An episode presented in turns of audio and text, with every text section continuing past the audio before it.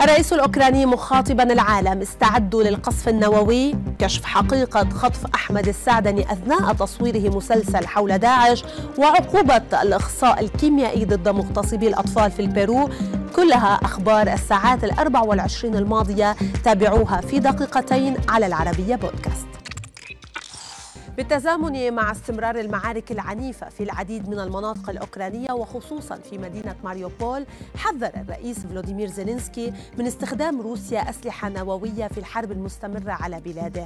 وفي في مقابلة مع شبكة سي إن إن أوضح الرئيس الأوكراني أن جميع دول العالم يجب أن تكون قلقة ومستعدة لاحتمال أن يستخدم الرئيس الروسي فلاديمير بوتين أسلحة نووية في حربه على أوكرانيا.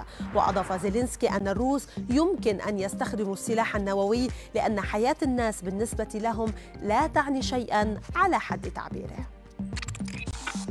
بعد يوم على أحداث الجمعة الثانية من شهر رمضان في المسجد الأقصى تجددت الاشتباكات بين المصلين وقوات إسرائيلية في ساحات المسجد. وكالة الأنباء الفلسطينية أفادت بأن القوات الإسرائيلية حاولت تأمين ما وصفتها بالاقتحامات الجماعية للمستوطنين بمناسبة عيد الفصح وسط إطلاق كثيف لقنابل الصوت والغاز المسيل للدموع في المكان. فيما أفاد مراسل العربية والحدث بأن القوات الإسرائيلية اعتقلت أربعة فلسطينيين وأصابت 19 آخرين في ساحات المسجد الأقصى ومحيطه. كما أصيب خمسة مستوطنين في رشق حافلة إسرائيلية بالحجارة. إلى مصر هذه المرة حيث حذر الأزهر آه، من أن من ما وصفه بالحملات السلبية والموجهة ضد رجال الدين والفقهاء خلال أعمال فنية تعرض حاليا في رمضان. بيان الأزهر جاء بعدما أثار مسلسل فاتن أمل حربي ضجة وجدلا واسعا في البلاد إذ تسعى البطلة إلى تغيير قوانين الأحوال الشخصية وانتقاد موقف رجال الدين من قضايا المرأة.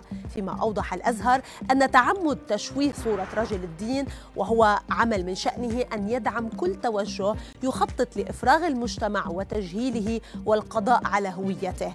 وكان مخرج المسلسل قال في تصريحات سابقة إن العمل كاملا تم مراجعته من أستاذ الفقه المقارن بجامعة الأزهر. بعد ضجة واسعة أحدثها تداول معلومات على السوشيال ميديا تفيد بخطف الفنان المصري أحمد السعدني في لبنان أثناء تصويره مشاهد من مسلسل بطلوع الروح الذي يتناول جرائم تنظيم داعش. كشفت شركة شركة صباح أخوان وهي الشركة المنتجة للمسلسل أن هناك حالة خطف لكن ليست لأحمد السعدني. مؤكدا أنه بخير فيما أوضحت في بيان رسمي أن المخطوف هو موظف يعمل لديها لافتة إلى أنها تتابع ملابسات القضية بالتنسيق مع الأجهزة الأمنية. وسط أخبار تشير إلى أن المخطوف هو محاسب في الشركة.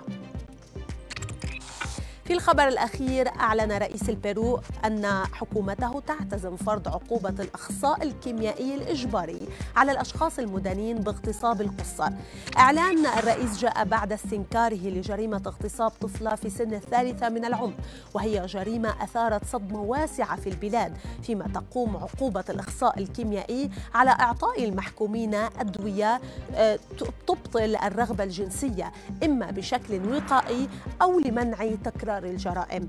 مع ذلك لا يزال إقرار هذه العقوبة يتطلب الحصول على موافقة من البرلمان.